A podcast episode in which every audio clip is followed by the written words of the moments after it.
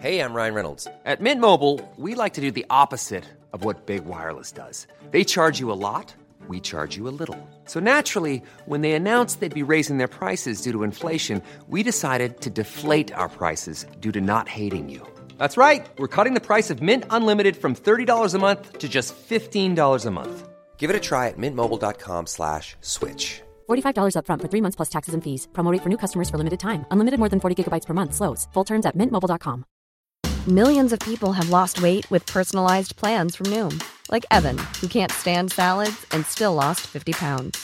Salads, generally, for most people, are the easy button, right? For me, that wasn't an option. I never really was a salad guy. That's just not who I am. But Noom worked for me. Get your personalized plan today at Noom.com. Real Noom user compensated to provide their story. In four weeks, the typical Noom user can expect to lose one to two pounds per week. Individual results may vary. Even when we're on a budget, we still deserve nice things. Quince is a place to scoop up stunning high end goods for 50 to 80% less than similar brands. They have buttery soft cashmere sweaters starting at $50, luxurious Italian leather bags, and so much more. Plus, Quince only works with factories that use safe, ethical, and responsible manufacturing. Get the high-end goods you'll love without the high price tag with Quince. Go to quince.com/style for free shipping and 365-day returns.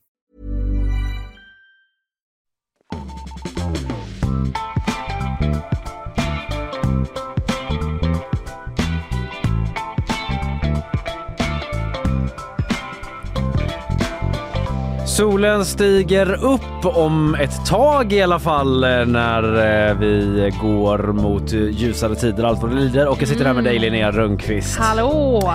God morgon, vad vill du prata med lyssnarna och mig om idag? Idag så önskar jag eh, få prata om att eh, Alabamas högsta domstol Mm. i en väldigt uppmärksammad och kritiserad dom har beslutat att eh, embryon har samma juridiska status som födda barn. Ja, önskan uppfylld. Du kommer att få prata om Tack. det. Eh, Jag kommer att eh, prata om kriminalvården. Eh, Det råder ju lite kris där. Jag vet inte hur insatt du är det Linnea? Man ser ju små rubriker här och där. Mm, mer ska du få veta. Det kom Mm. lite dåliga nyheter igår. Bra för intagna som vill begå brott från cellen men dåligt för i princip alla andra då. Mhm. Just det. Sen tänkte jag ta lite om ny ADHD-forskning också. Var det så fel egentligen med eh, en liten släng av det när vi var jägare och samlare? Så pass. Ja, spännande experiment har genomförts Oj, oj, i oj. USA. Ja. Sen blir det gäst också. Andreas Granat kom ju hit. Två år sedan på lördag är det, ursäkta, sen eh, Rysslands anfallskrig startade då mot Ukraina. Mm. Och vi ska prata med Andreas om den senaste utvecklingen. Det har ju varit hårda strider alltjämt och det verkar som att Ryssland har någon slags momentum nu då Ja, man har fått den känslan lite på grann. slagfältet. Ja, vi ska reda ut med Andreas lite grann hur det ser ut och vad som är senaste nytt kring det. Sen blir det bakvagn. Ja! Linnea, berätta Ja. något. Du, Berätta. jag ska berätta för dig att det blir första delen i nyhetshowens Sprillans nya kurs. Ja! Det, jag är så peppad på detta. Du har Underbart. till och med hjälpt mig att göra en jingel. Ja, har du lagt in den eh, eller? Den har jag lagt in. Bra, härliga Självklart. tider. Jag har förberett allt för den här kursen. Eh, det blir också en rapport från TikTok, senaste snackisen. Ja, det är ju det jag behöver. Precis. Och sen eh, så ska jag också följa upp lite grann det här eh, som jag var lite taskig med för några veckor sedan om att barn inte kan klippa med sax och så Mm. vidare. Eller göra kullerbyttor. Kan de det nu? Eh, svar nej. Nej, svar Men nej. åtgärder vidtas. Spännande. Mm. Ja, jag ska prata lite om att eh, Johan Persson har eh, reagerat på eh, svenskarnas drickesvanor. Mhm. Eh, han tycker inte det är en realistisk nivå, alltså vad alkoholråden ligger. Nej, de här- ser nej, ut. det. Eh, det ska vi prata lite om. Och så lite andra grejer också. Israels eh, bidrag i Eurovision är ute nu och Mhm. eh, det har ett eh, budskap i sig, tror man i alla fall baserat på titeln. Aha. Ja, hela låten är inte ute men vi återkommer till det. Det blir lite det ena och det andra helt enkelt. Annars så eh, tyckte vår producent att vi såg ut som två eh, anställda på uh, klädföretaget Koss idag. Exakt! Bara Jag kände sa- just, vi kan ju säga det eftersom att eh, det finns ju massa andra affärer också man kan handla på. Jag vet, Men man, det var det bara hon för att man använde. pratar i radio och pratar live så tror Ja. man ibland att man är i Sveriges Radio men det Ja. är vi inte. Så Nej, det vi kan inte. nämna ett företag. Det kan vi. vi är inte faktiskt. sponsrade av dem. Nej, det är vi Men inte. vi kan nämna dem Min ändå. eh, skjorta är inte köpt där, vill jag bara vara tydlig med att säga. Ja, okej. Är din del? Nej, nej, nej, Nej. Det, den är inte. Nej, Fast men det var den, eh, kan vara från den koncernen. Ja, just det. Jag har ingen koll på koncerner. Nej. Men, eh, det, men det var väl kul att få höra. Eh, ja. Att vi såg lite, liksom, hon menar ju att vi såg lite piffiga ut. ja, absolut. Jag var ju motsatsen till Piffi igår då, så nu har jag liksom eh, nu är jag på rätt väg igen. Ja. Inte för att jag har som mål att vara superpiffig men Nej, man, nej. vill, man vill ändå känna sig bekväm. Man vill, ändå, man vill ändå röra sig på skalan. ja, Man vill inte bara vara nere. Så är det. Men eh, en annan grej som vi inte ens har nämnt som ändå är en ganska stor grej, det är Mm. att våren har kommit. Ja, Det måste vi ändå tala, tala lite om. Ja, men precis, jag nämnde ändå att eh, första tranan hade kommit Mm. eh, tror jag till Hornborgarsjön var det väl, var Ja. en nyhet typ i förrgår som jag pratade lite grann om Exakt. igår då. Vad är det nu då? Nej men nu är det att eh, våren officiellt är eh, här, igår kväll. Den meteorologiska då eller? Den det meteorologiska. brukar ju vara det så här Ja. års.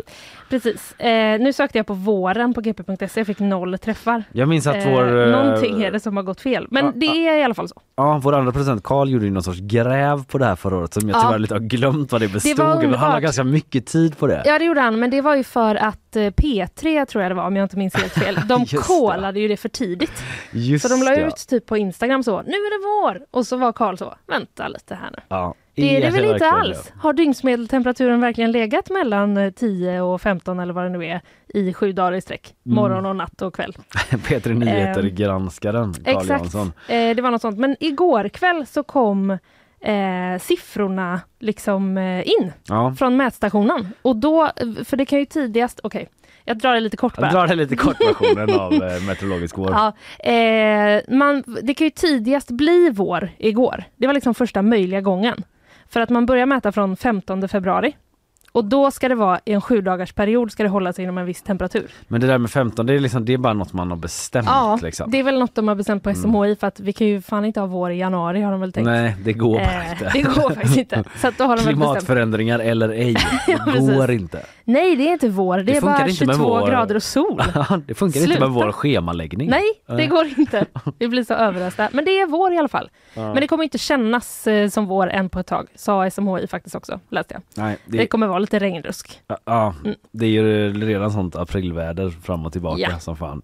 Men eh, vi kan i alla fall eh, på ett intellektuellt plan liksom Mm. glädjas åt att det faktiskt är enligt på pappret Ja. våren är här. Mm. Vår...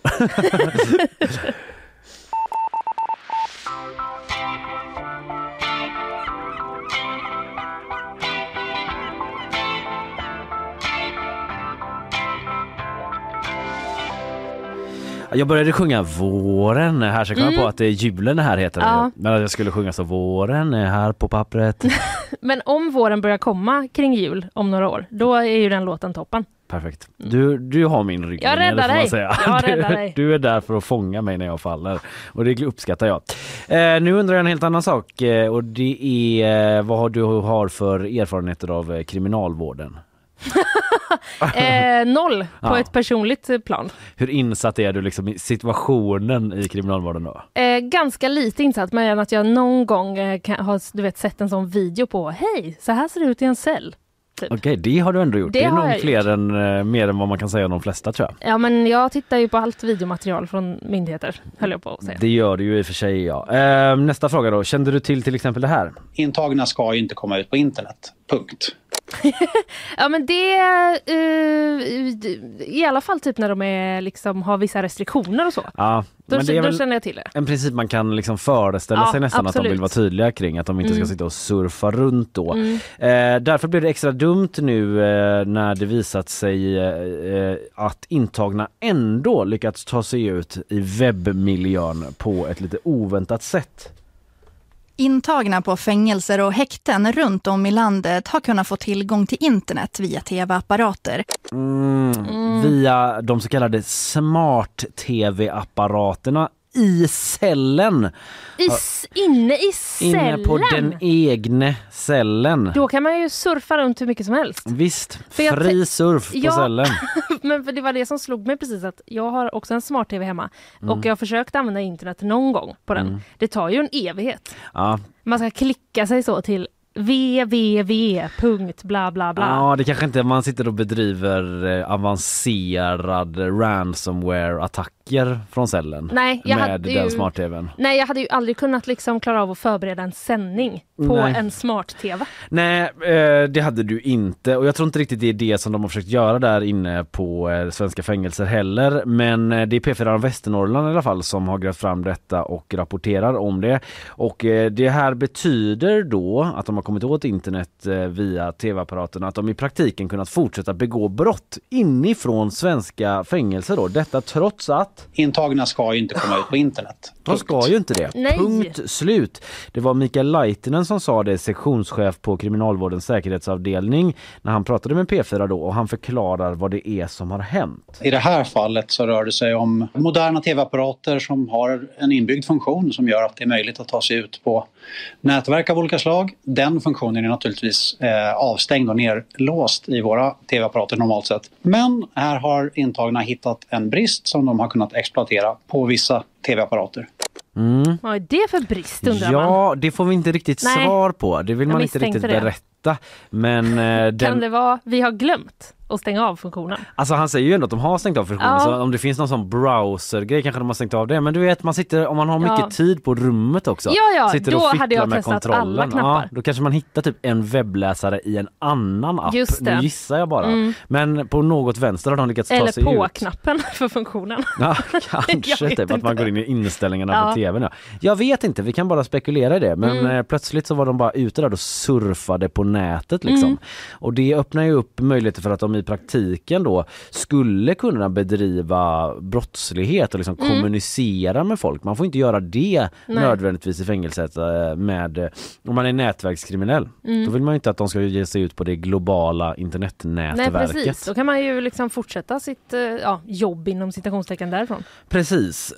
Och eh, det, det, de kan heller liksom inte utesluta att det här har skett på eh, svenska häkten heller då.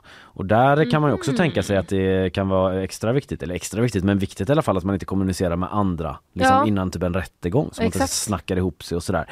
De vet, inte de vet att det här har utnyttjats på anstalten men de vet inte säkert att det har använts till att bedriva kriminell verksamhet då. Nej. Men eh, det ska man utreda. Det kan ha hänt på anstalter av klass 1. Vi tar det säkra för det osäkra eftersom det här är någonting som vi ser väldigt allvarligt på så vi byter ut överallt.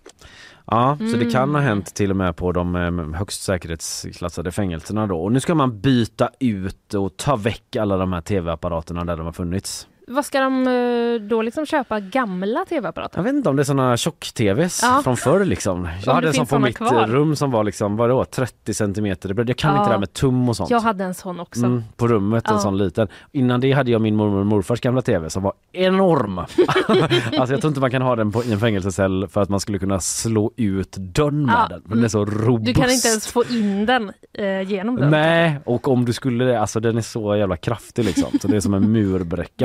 Liksom grå? Nej, den var brun. alltså Brun sån till och med. träpanelsimitation Är det sant? liksom. Ja. Oj, wow. ja, det var en fin gammal apparat. Eh, Men i alla fall då. Eh, man ska byta ut dem och ha eh, no- no- några andra apparater Mm. istället. Och eh, Ja, det är liksom det om den nyheten men generellt så har det varit lite av en debatt om kriminalvården, åtminstone på eh, Twitter typ den senaste tiden om att vissa tycker att så här, de har det lite bra där inne. Tycker vissa. Ja. Jag vet inte om du minns i julas när det var en matsedel. Jo, just det, julbord och någon slags eh, nyhets, eh, nyhets eh, nyårsmeny har jag för mig. Ja kanske, precis, som ja. folk reagerade och tyckte så här, bara, ska de få så god mat? Ja. Här sitter jag med liksom Bullens pilsnerkorv och, och surar medan jag sitter i kriminalvården och får ett kalasjulbord. Ska jag sitta här och sura verkligen? Ja precis, jag sitter inte ens inne liksom. Och eh, ja men lite sådär den stämningen. Vår producent Emily var också så lite missundsam för att hon själv inte ens har en smart-tv. Nej. Så, eh, reagerade hon på då. Eh, jag hade ju själv inte tv överhuvudtaget. tills Nej, du hade ju inte det. Nej. Det var ju en chock jag- när jag förstod det. Ja, jag hade dock min frihet eftersom Ja. jag inte begått några brott. Då. Men i alla fall, något av en skandal var detta med tv-apparaten inom från kriminalvården. Och liksom, som sagt, det råder ju något av en kris. Mm. Förra veckan så gick man upp i stabsläge meddelade kriminalvården. Det har inget att göra med de här smart-tv-apparaterna mer än att det är samma myndighet då som har liksom ansträngning, som jobbar med problem man har liksom, som är ett pressat läge generellt. Eh, och, men det här pressade läget eh, i stort för kriminalvården har kanske framförallt att göra med platsbristen. Det börjar bli trångt på svenska fängelser.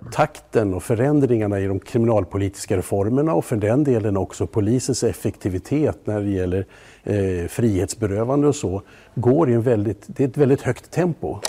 Säger kriminalvårdens generaldirektör Martin Holmgren till SVT. Polisen är för bra helt enkelt. Mhm, De, ja. de sätter dit för många samtidigt som eh, vi alla vet att det är tuffare tag där ute mot kriminella. Exakt, längre straff också. Längre straff, fler ska buras in och längre och eh, för att möta det här har man gått upp i stadsläge då som eh, stab, stabsläge då, som man säger. Betyder det att ni kan trolla fram fler platser? Det undrade man i Studio 1 i förra veckan. Betyder det att ni kan liksom bara trolla fram nya Sjukt. platser? Om det svaret var ja. Ja, eh, man tänker ju sig att det inte är det va? Eh, svaret eh, är ja, men eh, Studio 1 liksom, eh, de, de gav sig ändå inte riktigt där. Kan ni trolla fram fler platser? Nej, vi kan naturligtvis inte trolla. Så vad gör ni?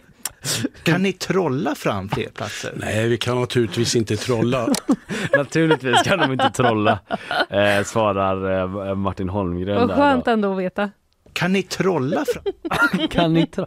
Nej, jag är lite oschysst klippt av mig men de frågade det flera gånger. Det var Ja. tydligt att de hade förberett den frågan så att de kan trolla fram dem. Men naturligtvis kan de inte trolla på kriminalvården. Nej! Det hade ju löst problemen så. Det hade löst hur många problem som helst. TV-apparaterna och allting. Däremot så eh, kan det betyda då att man tar till okonventionella metoder. Det kan handla om dubbelbeläggning, alltså att man knör ihop fler fångar. Mm, de får bli sambos. yta. Precis, de får bli sambo. Kulbo. Mm. Och eh, man använder att man använder andra typer av utrymmen. Vad kan det vara för eh, utrymmen då? Det är, det är sådana utrymmen som vi fram till idag har tyckt varit olämpliga att Ja, olämpliga utrymmen okej. rakt av. Det, kan vara, det är lite svårt för, för dem på P1 där att få veta exakt vad det är för utrymmen. Men det Mm. kan handla om sådana som är eh, eh, större än 6 kvadratmeter. Eh, det måste de vara alltså, så det kan inte vara vilken skrubb Nej, som nej, helst. nej, just det. Men de kan ändå vara ganska, de kan ändå vara liksom 7 kvadratmeter då. Mm.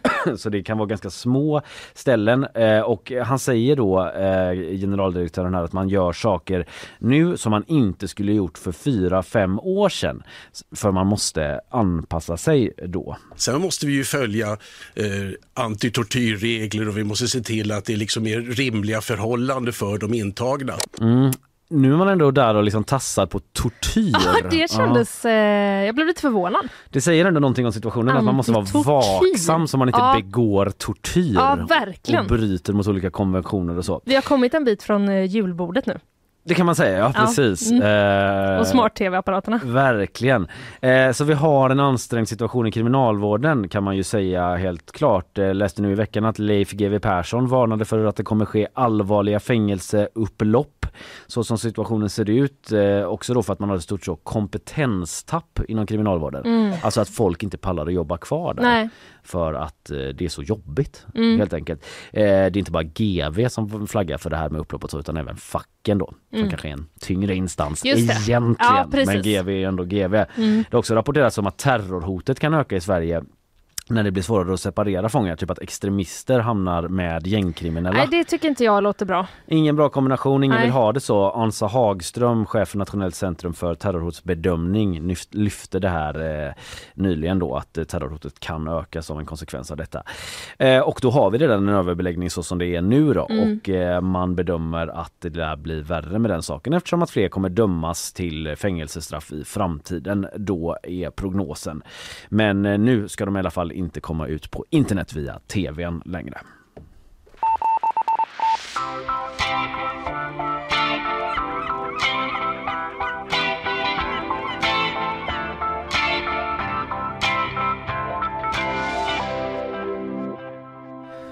Isabella News Persson är eh, på väg fram till mikrofonen och nu är hon framme. God morgon Isabella. God morgon. God morgon. Hur är läget? Det är bra. Mm. Eh, är det? Hur är det med jo det är fint. Bra, det är fint. Det är trevligt att få ha dig här för Ja. då vet man att man ska bli uppdaterad på nyhetsläget. Så är det. Jag låter dig därför ta vid nu. Varsågod. FN pausar matleveranser till norra Gaza.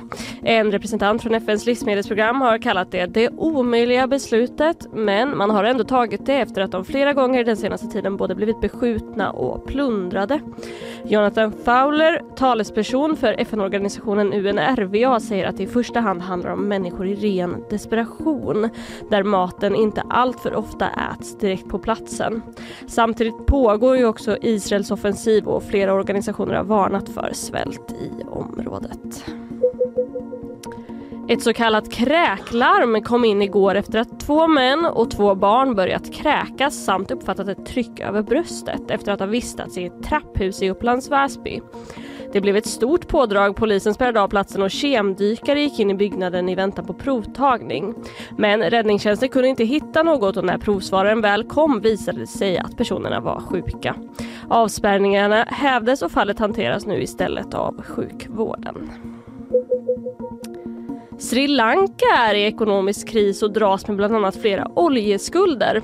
Men nu ska man betala av dem med hjälp av te. Det handlar om ett bytesavtal med Iran som tecknades redan 2021 men som på grund av den ekonomiska krisen i Sri Lanka försenats.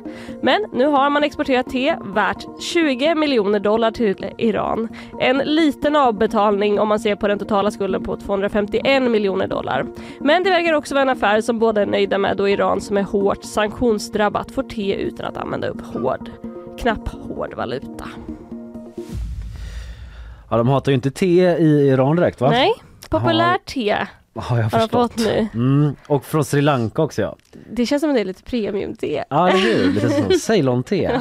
Lite lyxigt så, lite dyrare Ja. än Earl Grey. Ja. Kanske man tar liksom eh, till helgen Just det. unna sig några påsar. Det är inte. Ica Basic. Nej eller hur? nej, nej, nej. Det, finns, eh, det finns många dåliga teer. Det finns det, det, finns det verkligen. Jag har aldrig druckit Ica Basics te, det kanske är kanon. Eh, Isabella, du är kanon. Tack så länge, Ja, vi tack. hörs.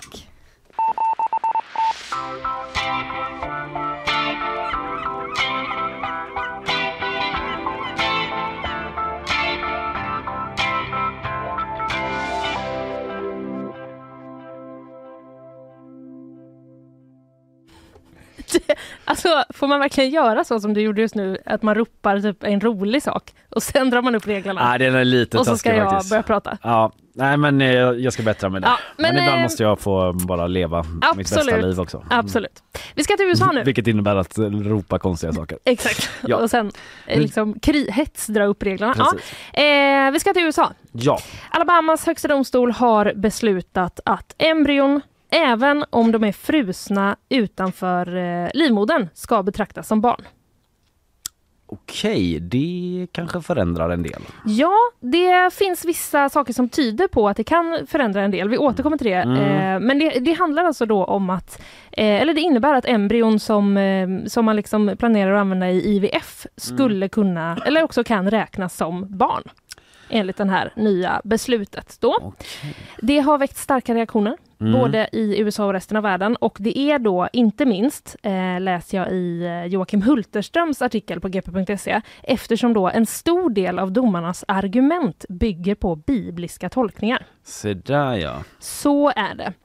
Ska vi ta en liten recap på IVF och provrörsbefruktning först? Tänker Inte på Bibeln, nej. Nej, inte på Bibeln. Mm. Gamla testamentet. Okej. Ja. Eh, nej, God said unto Abraham, kill me a son. det får man tyvärr eh, fixa själv. Ja. Men IVF i alla fall, det är ju så då att man plockar ut både ägg och eh, spermier Mm. och så sker själva befruktningen då utanför kroppen. Just det. Sen så odlar man de här embryo, eh, embryona i ett labb och så sätter man in dem i kroppen igen. Mm.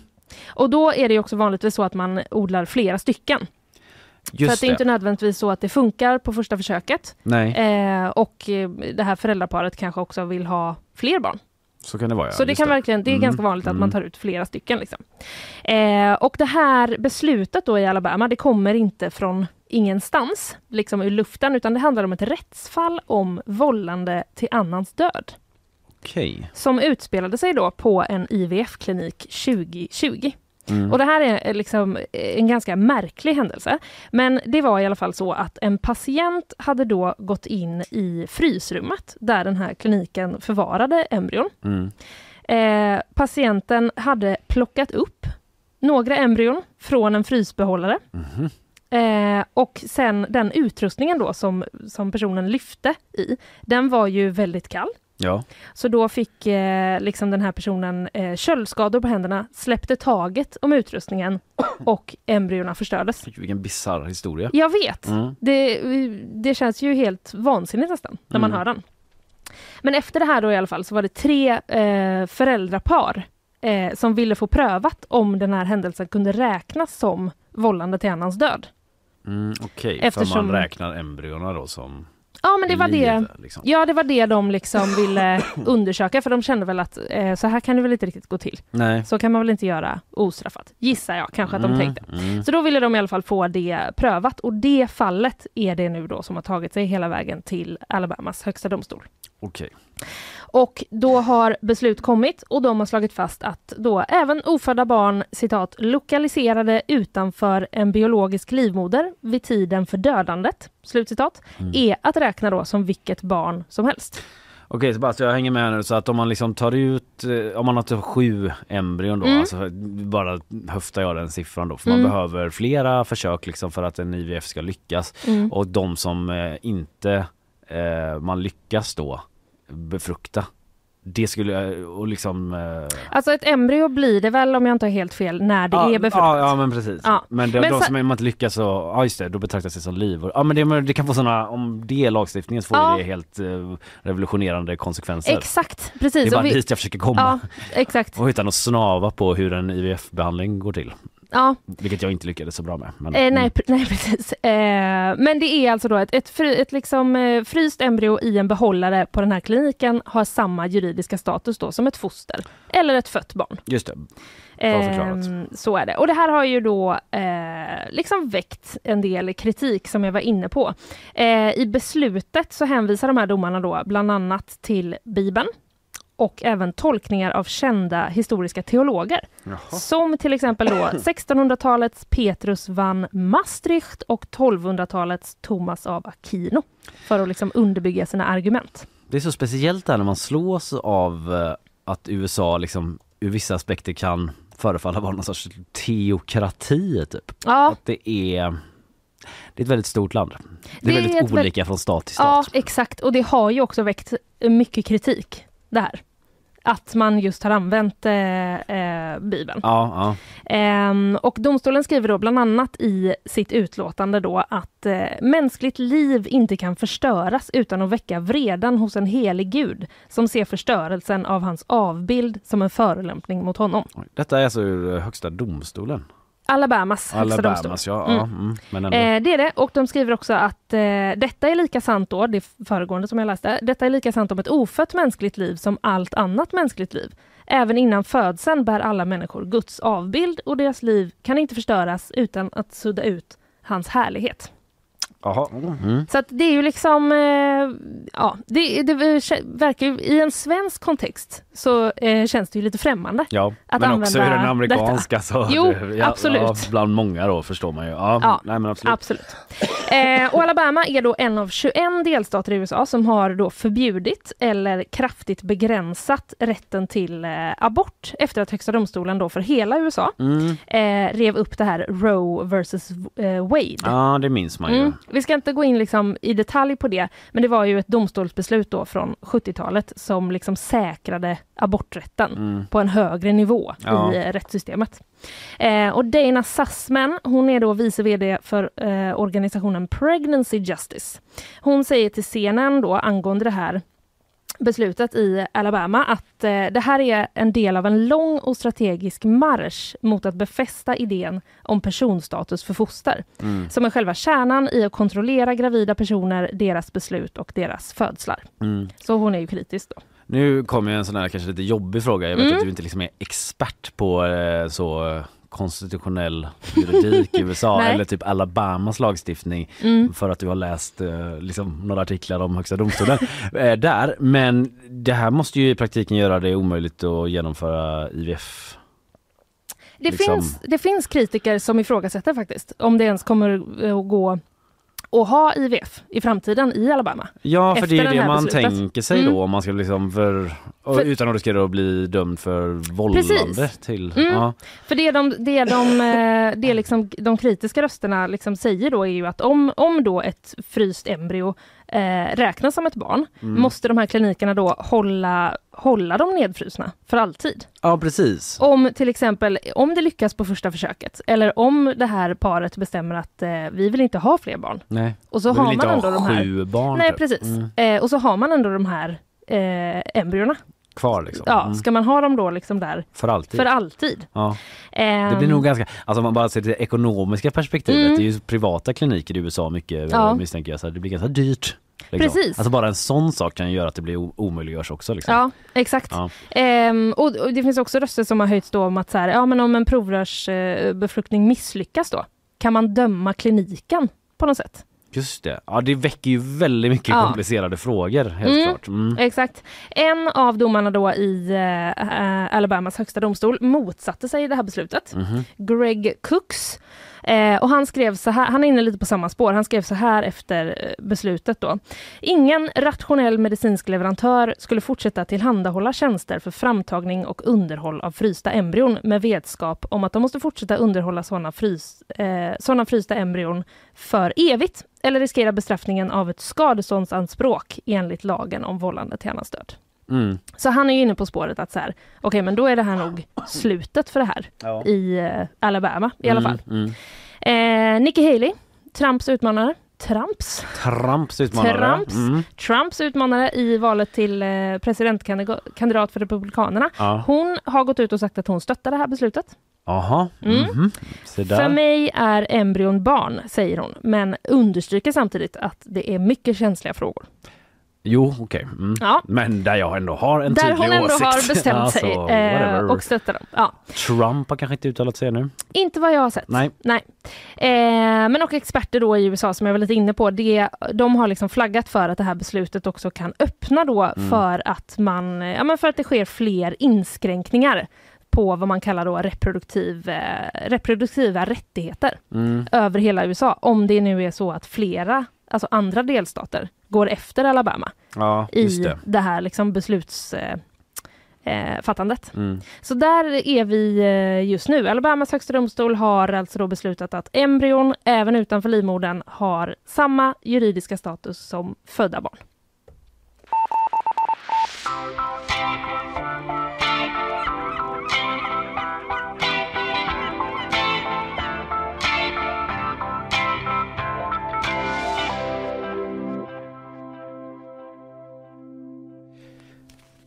På lördag, Linnea, så är det tre, eller två år sedan som eh, Ryssland inledde sin eh, invasion av Ukraina och eh, striderna pågår i full kapacitet allt alltjämt. Vi har hört nu under veckan veckan om eh, ryska framgångar då i kriget där man verkar ha någon slags momentum. Och vi ska prata mer om det här om en liten stund med Andreas Granat från utrikesredaktionen om eh, vart man står i kriget nu. Finns det någon liksom lösning i sikte?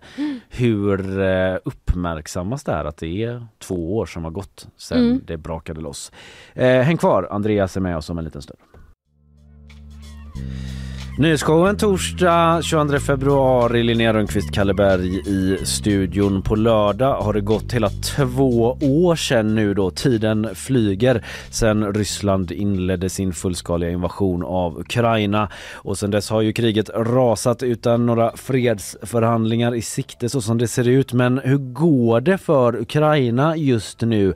Man kan ju få intrycket i rapporteringen av att momentum har vänt till Rysslands fördel senaste tiden. Hur ser det ut med stödet? Sverige har chippat in nyligen. Hur ser det ut framåt? Och varför har den här staden Avdiv... ah,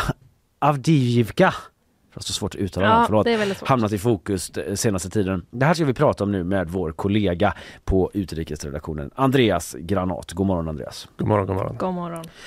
Du, årsdagen, om vi börjar i den änden eh, av kriget då eller eh, invasionen är på lördag. Betyder det här någonting? Uppmärksammas det på något sätt eller?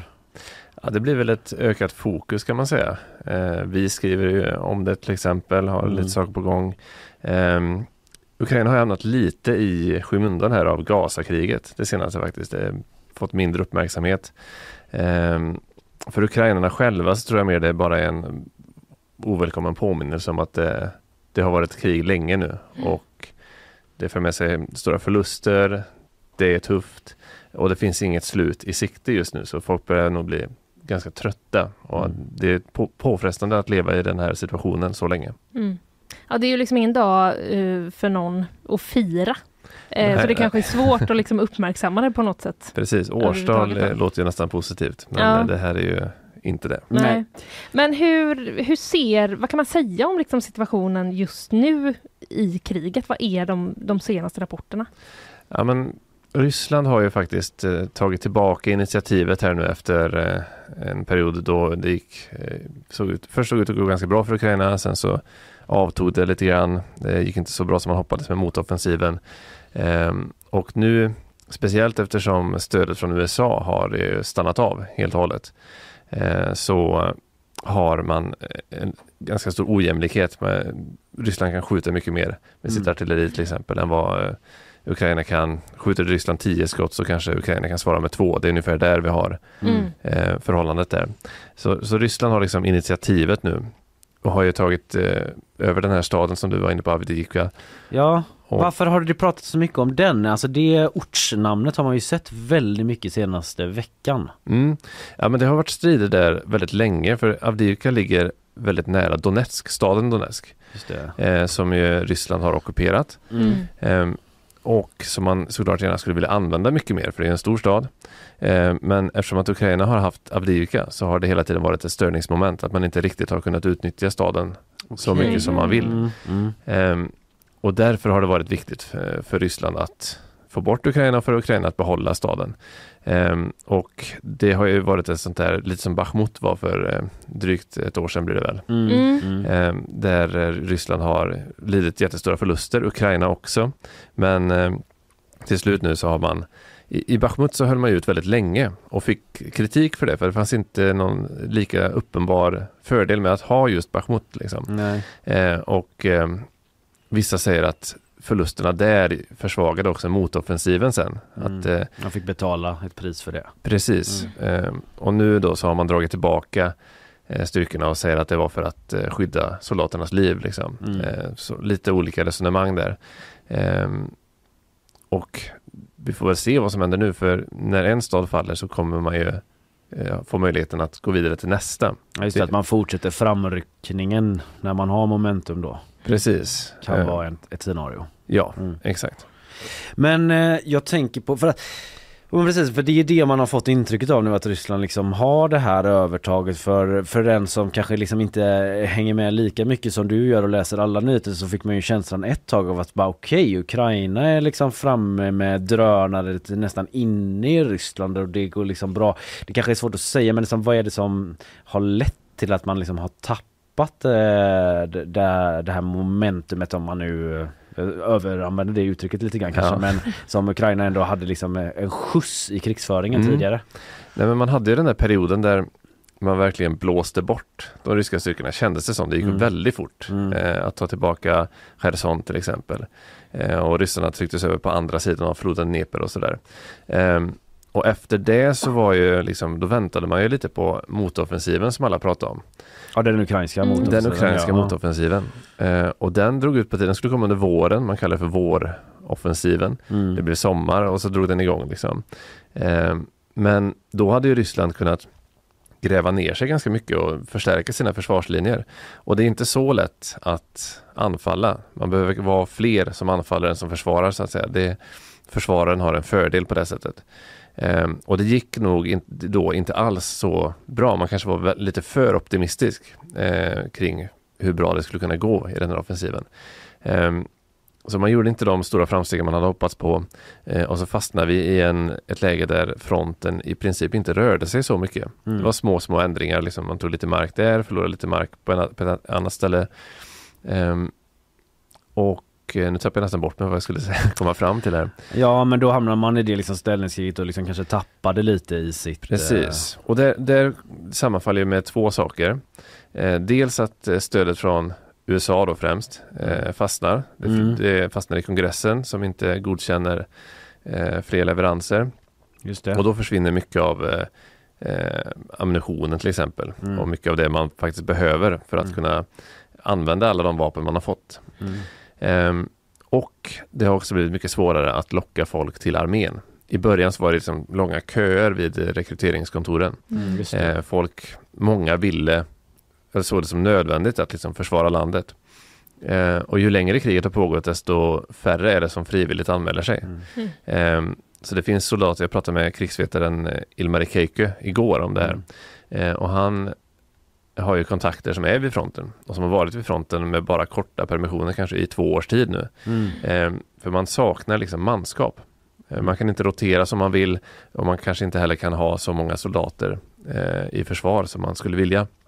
Och det där är en stor fråga nu hur man ska lösa det. Mm. Ska man ändra mobiliseringslagarna, vilket man förmodligen kommer göra. Eh, hur kommer det se ut? Hur kommer det tas emot mm. framförallt? Samtidigt har man så här rapporter om från Ryssland att det är liksom fångar och hemlösa. Alltså liksom att man bara skramlar överallt liksom. Folk som kanske inte har så mycket val. Typ att det verkar mm. finnas ett annat inflöde av trupper i Ryssland. Ja, är man diktator har man ju den fördelen att man kan i princip göra vad man vill då. Ja. Eh, använda hur mycket tvång som helst. En demokrati som Ukraina kan ju inte riktigt göra det på samma sätt. Eh, så, och det är frågan, nu är det snart presidentval i Ryssland också. Eh, efter det så det spekuleras ju, kommer det komma en ny mobiliseringsvåg då? Mm. Eh, och de får in några hundratusen soldater till. Ja, men då måste ju Ukraina såklart också svara på det på något sätt. Mm. Eh, så att det där är en en svår fråga. Det mm. finns ju, ja, jag kan prata hur länge som helst om det här, men ja. Det är politiskt känsligt i alla fall, för man måste ju tänka på framtiden också för landet. Det finns väldigt få 20-åringar i Ukraina. Ja, just det. En liksom tid efter kriget också måste Precis. man ha i åtanke. Men vad säger, vad säger man från eh, Ukrainas håll om situationen nu? Alltså kan, kan man hålla ut eller liksom hur krisigt är det?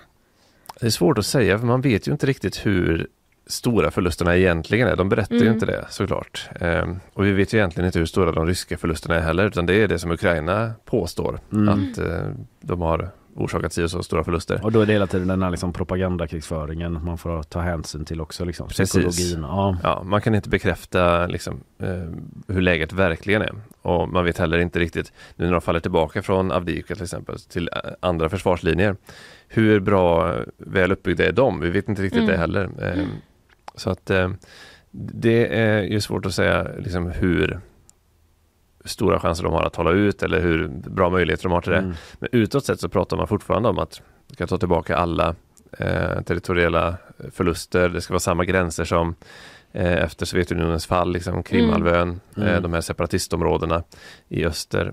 Men i verkligheten så tror jag man har fått ställa in sig nu på att nu blir det försvar liksom. Mm. Eh, så att det man säger, den retorik man har, eh, kanske inte matchar eh, alltså strategin, den Nej. militära strategin. Ja, jag fattar. Mm. Vad säger man att man behöver då? Man är ju i det här skriande behovet av eh, stöd från andra länder, EU och USA. Liksom är det vissa saker som är på eh, topplistan där? Ja, men vi nämnde ju eh, artilleriammunitionen såklart. Mm. Man måste kunna besvara elden liksom. Eh, så det, det behöver man ju absolut. Eh, Och där så- har Sverige varit eh, eller är det inte till Archer-systemet som vi har varit och skickat Ja, precis. Vi har skickat ner Archer-system till Ja. eh, alltså våra haubitsar är det väl, tror jag. Ja. Jag är ingen vapenexpert så sett, men ehm, och Danmark gick ut härom, härom veckan och sa att vi kommer ge hela vårt artilleri till Ukraina, för vi behöver det inte just nu. Nej, just. Eh, Så att det görs ju saker på den fronten också från EU-länder.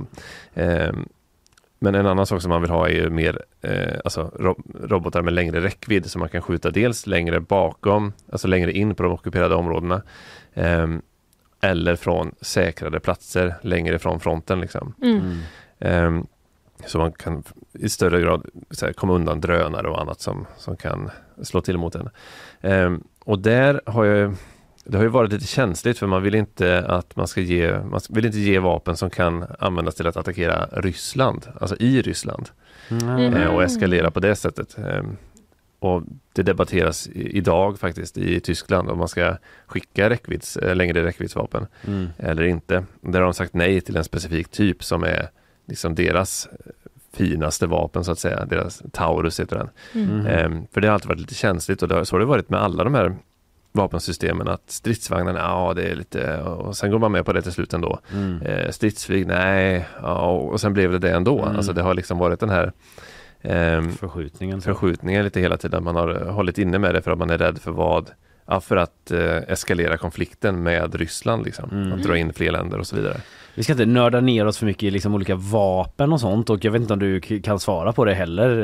Eh, liksom man slänger vilka frågor som helst på dig Andreas när du kommer ut. Men eh, det var ju den här stridsbåt 90 eller vad heter det? Just det, Som ja. Sverige skickade. Och då blir man lite så här bara, eller min spontana var bara så här, vart används den liksom? Är det ute på floden eller är det nere i Svarta havet liksom eller? Jag skulle tro, nu gissar jag, Ja. eh, att det är i floden Dnepr. Mm. Eh, där, att eh, de har ett litet brohuvud, de håller en liten bit mark eh, på andra sidan där också, Ukraina. Mm. Och det skulle kanske kunna ge ett, eh, ja, inte övertag ska jag inte säga kanske, men eh, bättre möjligheter i alla fall. Ja. Mm. Eh, för den, det är ju en lång, lång eh, strandremsa liksom. Ja, Som- ja men intressant för jag kände att jag inte fick någon kontext för den båten. Men det fick Mm. jag lite grann nu då. Ja, en lite kontext. Ja men Mm. en liten i alla fall. Men, ehm, ja, men Sveriges 7 miljarder då som vi har aviserat och EU har ju också beslutat om att betala ut 50 miljarder euro då fram till 2027 förstår jag det som. Men det är liksom lite stopp i USA nu då för Ja, stöd. Det, det är det. Det, Mm. det är ju framförallt, eh, eller framförallt, det är bara Republikanerna i kongressen som stoppar det här. De vill, för det, låg ett förslag eh, med stöd både till Ukraina men också till Israel. Eh, och då, Okej. Från eh, Demokraterna då, eh, som, som gärna vill skicka iväg de här pengarna Mm. och eh, ammunitionen och allt vad det nu kan eh, tänkas vara.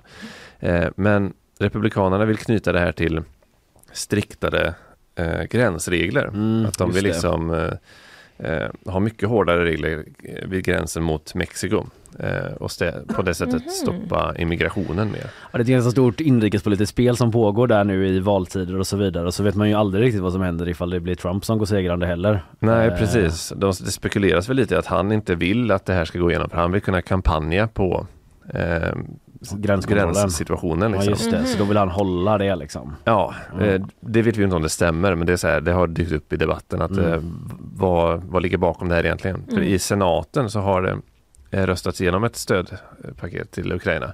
Men den republikanska talmannen Mike Johnson i kongressen sen Mm. eh, vill inte riktigt ta upp det här. Så att han kan liksom Okej. sinka det här Ja. ännu mer då. Ja. Eh, och det blir väldigt mycket eh, ordbråk där mellan Joe Biden och eh, Republikanerna. Mm. Svårt eh, läge i den amerikanska senaten alltså. Eh, Mm, mm, ja, framåt i alla fall. Två år eh, har gått sedan invasionsstarten på lördag. Vi kommer eh, följa upp detta på gp.se. Man undrar liksom hur länge... Finns det liksom eh, någon som liksom har sagt någonting om någon ljuspunkt framåt? Hur länge kan det hålla på? Det är omöjliga frågor att liksom svara konkret på eller definitivt på men har, finns det någonting att säga om det? När man blickar framåt. Egentligen inte. Jag tror de flesta är inne på att det kommer bli ett långvarigt krig och Mm. kanske så att eh, eh, fronten kommer liksom stabilisera sig. Och att det blir lite som det var innan den fullskaliga invasionen. Att eh, man hela tiden har den här eh, frontlinjen med militär eh, närvaro på Mm. båda sidor. Liksom. Mm. Eh, men att kriget kanske stannar till där. Men det vet man ju inte. Det är ju, allting är ju spekulationer. Mm. Eh, Och det är ganska, inte helt lättberäkneliga krafter som vi har att göra med typ Putin liksom. Nej, Vad verkligen ska inte. hitta på härnäst. Det får vi se helt enkelt. Vi drar ett streck för nu och tackar dig Andreas Granat från GPs utrikesredaktion för att du var här och pratade med oss den här morgonen. Tack Andreas. Tack. tack så mycket. We're back! Nyhetsshowen eh, torsdag 22 februari och du liksom gör dig lite redo där borta Ja, Linnea. jag mår så gott. Jag vet inte varför jag är så peppad. Men det ska alltså, nu ska det bli kurs. Ja, Mm. det är det att du tar på dig lärarhatten lite grann kanske. Ja, men det är liksom en eh, kurs där jag också lär mig samtidigt. Ja. Vi lär oss tillsammans. Du är så kunskapstörstande. Eh, ja, och nu vet du att du kommer få lära dig. Ja, och det kanske är därför du är så jag glad vet. med det. Mm. Jag vet att jag kommer få lära mig. ehm, vi kan, vi liksom ska inte tassa kring det här längre utan det här är nyhetsshowens eh, alldeles egna fågelkurs.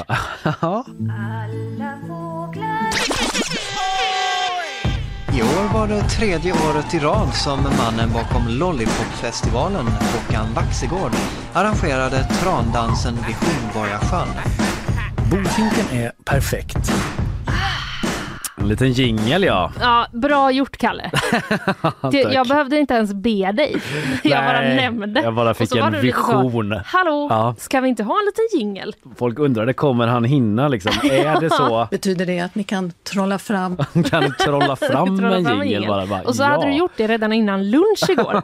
Sinnessjukt snabbt jobbat. Ja, ja. Eh, men vi ska ha en liten kurs. Eh, en fågelkurs här Ja, i på Nyhetsskolan. förekommen anledning På va? förekommande anledning. Det här började ju i eh, tisdags. Mm. Jag satt här med Fanny och jag visslade ett fågelläte och liksom hade ingen aning om vad den fågeln hette. Eh, jag, Vilket bra inslag. Ja, det var jättebra inslag. Men det var under, det var liksom precis i början så det, då får man ju förstår. ändå vara lite mer Det är lite loose. friare. Det har vi ju bestämt. Ja, det har vi att man får. bestämt. Så kom inte här och kritisera. Vi har sagt att det här är okej. Vi har, vi har sagt att vissling är okej just där. Eh, men i alla fall, jag efterlyste då hjälp på Instagram. Mm. Lyssnaren Malin kom till min undsättning. Wow. Ja, jag blev så glad. Hon är biologilärare, visade sig. För hon försökte då tyda din vissling typ? Försökte. Det var en ganska bra vissling Ja, ja, skulle jag vilja säga. Mm. Får lyssna tillbaka. Eh, ja, men hon är i alla fall biologi, biologilärare och det visade sig att hon när hon pluggade hade haft just en fågelljudstenta. Mm. Eh, så de hade suttit i någon stor sal, antar jag, och lyssnat på fåglar på högtalare. Ja, ja, det var inte att läraren bara... Då får det vara en väldigt bra lärare i så fall. eh, men i alla fall, hela redaktionen då, förutom eh, Emily eh, som är producent, visade sig vara jättedålig på fågelläten. Jo, Faktiskt. om jag går till mig själv så ja, Ja, absolut. Mm, och då kände jag att vi behöver en kurs. Mm. Eh, men jag kände också att det fanns inte intresse från redaktionen för att gå en riktig kurs eh, i det här. Så då eh, har vi en egen. Ja. Och vi ska liksom bara möta våren nu, tänker jag. Ja. Eh, genom att lära oss en fågel i Ja, veckan. men det är mysigt ändå. Ja. Det kan vi väl unna oss? Eller hur? Lära oss lite. Mm. Det finns så mycket dumt där ute så vi kan väl ha lite, vi kan väl ha lite fågelljud. Jag bad då eh, lyssna Malin att eh, ge mig tips på några enkla fåglar Mm. som man kan lära sig. Och det har vi fått nu. Så Mm. nu ska vi lära oss fem fåglar, i eh, en i veckan fram till påsk. Ja, vi tar en i taget nu. Vi tar en ja, i men vad taget, skönt ja. för jag kände att det blev så översvallande. Ja, det kommer inte bli liksom kaosfågelljud på en gång. Utan det, det Så jag blir spelar alla fem samtidigt nu, klippt över varandra. Ni kan kakafoni. särskilj dem, lär er dem. Eh, vi kommer lära oss vad de heter, fåglarna, Jaha. hur de låter Ja. och jag kommer också lägga upp en bild på varje fågel på Instagram. The whole package. The whole package och jag kommer också spara det i en höjdpunkt så när man vill kan man gå in och liksom plugga lite bara på fågeljuren. Du har tänkt på allt. Jag har faktiskt tänkt lite grann på det här. Kanske att vi har en liten tenta i slutet. Jag vet Det inte. får vi se. Vi, det sa, Emily sa ungefär exakt så också när jag föreslog det igår. Men jag tänker inte släppa detta. Nej. Eh, så är det i alla fall. Den här veckans fågel då, för det börjar ju nu, kursen. Mm. Är du redo? Kursstart. Mm. jag vet inte, jag måste typ Välkomna så- allihopa till jag måste gå och köpa liksom ett, ett nytt pennfack Ja. typ, eller något sånt där. Men jag, nu har jag inte det så vi, jag är redo. kör- Jag är så redo jag kan bli. Vi kör ändå. Den här veckans eh, fågel är redan utnämnd. Det är talgoxen. Talgoxen Talgoxen. känner till. Du känner till, ja men vad bra, då har du lite gått A-kursen här. Jajamän. eh, det var ju nämligen talgoxen som jag hade hört Det var det. och det var den jag visslade. Typ Ehm, lite osäker på hur den ser ut. Jag tror jag Mm. vet. Men eh, ja, Ja, så jag är också på lite fåglar. osäker för Ja. jag har inte prioriterat det nu eftersom Nej. det ändå bara är ljud det här. Eh, men den är ganska gullig vill jag minnas. Eh, vi tar och lyssnar på hur eh, talgoxen låter. Är du beredd? Ja. Det kommer två gånger.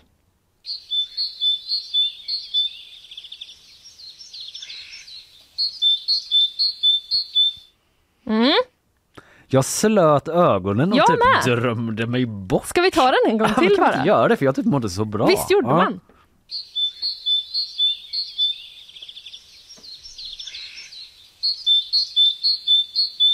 Gud, det här var jätteskönt. Det var jätteskönt, det var typ terapi. Det var som en mikromeditation. Ja, fy, man bara står i stadens buller och så, Mm. ja, nej jag vet inte, man eh, kanske borde ta sig ut i skogen ibland känner man bara, ja Ja. okej men det var liksom ett äh, återkommande di du di du di Exakt, jag tänker eh, som en minnesregel Mm. har jag själv satt upp. Det här, så här är bara ett studietips Ja. om man vill ha det. Eh, att man kan tänka sig att den typ ropar lite så Hallå, hallå, hallå, hallå! Ja. Man kan liksom Hallå, hallå. se framför sig talgoxen som, jag vet inte, kanske en äldre förvirrad gubbe. Ja, Eh, man vill bara koppla det hallå. till namnet på något sätt. Just det, Ja, för annars blir det bara en minnesregel en för äldre förvirrad oxe då. Ja, kanske. Med hatt. Ja, kanske. Ett Man litet får, tips. man får se. Talgoxen låter hallå, hallå, hallå. Exakt. Mm. Det är den lite förvirrade talgoxen. En sista Ja, gång. en sista gång och så har sen, vi, eh, tänker vi hallå samtidigt. Och så då. tänker vi hallå.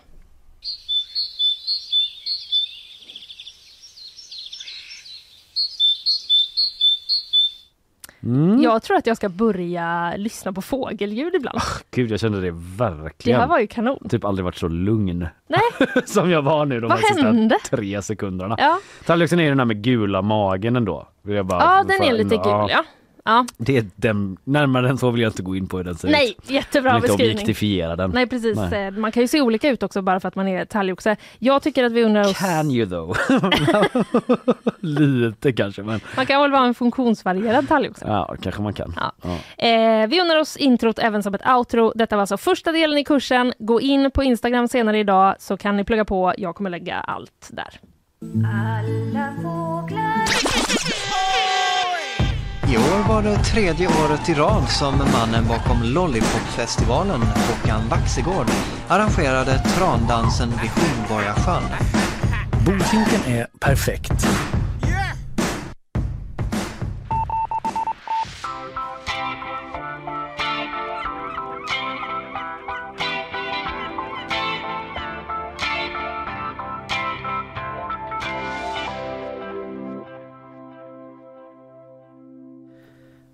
ADHD. Superkraften. Ja, just det. Känner den, du igen? Den har ju beskrivits så ibland. Vissa har kallat den det, vissa som kanske vill ge den en liten positiv spin eller som bara liksom vill kanalisera det här man har inom sig Mm. till någonting eh, fruktsamt, någonting konstruktivt. Det har väl också sagts av andra att eh, det inte alltid är en superkraft nödvändigtvis. Det kan ju vara ganska jobbigt också. Det kan ju vara sjukt jobbigt. Det tror jag de allra flesta förstår. Ja. Att det Mm. inte bara är en superkraft. gröna skogar. Nej, nej, nej. Det kan vara ganska jobbigt med olika saker om man har ADHD. Men nu kommer ny forskning, det är därför jag tar Mm. upp det, som eh, ändå verkar mena på att ADHD åtminstone evolutionärt kan ha varit en fördel. Jag tänkte vi ska prata lite om det. Ja, berätta genast. Historiskt sett, och då talar jag om människans liksom utvecklingshistoria, så tyder eh, den här forskningen på att det ändå har kunnat vara till fördel då att ha en liten släng åt det dampigare hållet. Säger inte forskarna, men ni förstår vad jag menar. It's okay, vi, vi kan skoja och säga damp. Eh, Ja förlåt, jag blev så, jag blev liksom genast drogs tillbaka till eh, mellanstadiet. man gör ju det. Ja. Men du har gjort en resa det där med damp. Det har gjort en Alltså resa. typ så här, det är säkert vissa som inte alls tycker det är kul att man säger det. Nej. Men eh, typ att, eh, jag vet inte. Jag, jag, jag drar man det så här, jag känner folk med ADHD som skojar så om sig själva. Men jag vet Ja. att det är inte heller ett argument för att man själv ska säga det. Ska du I'm fortsätta aware. bara berätta nu?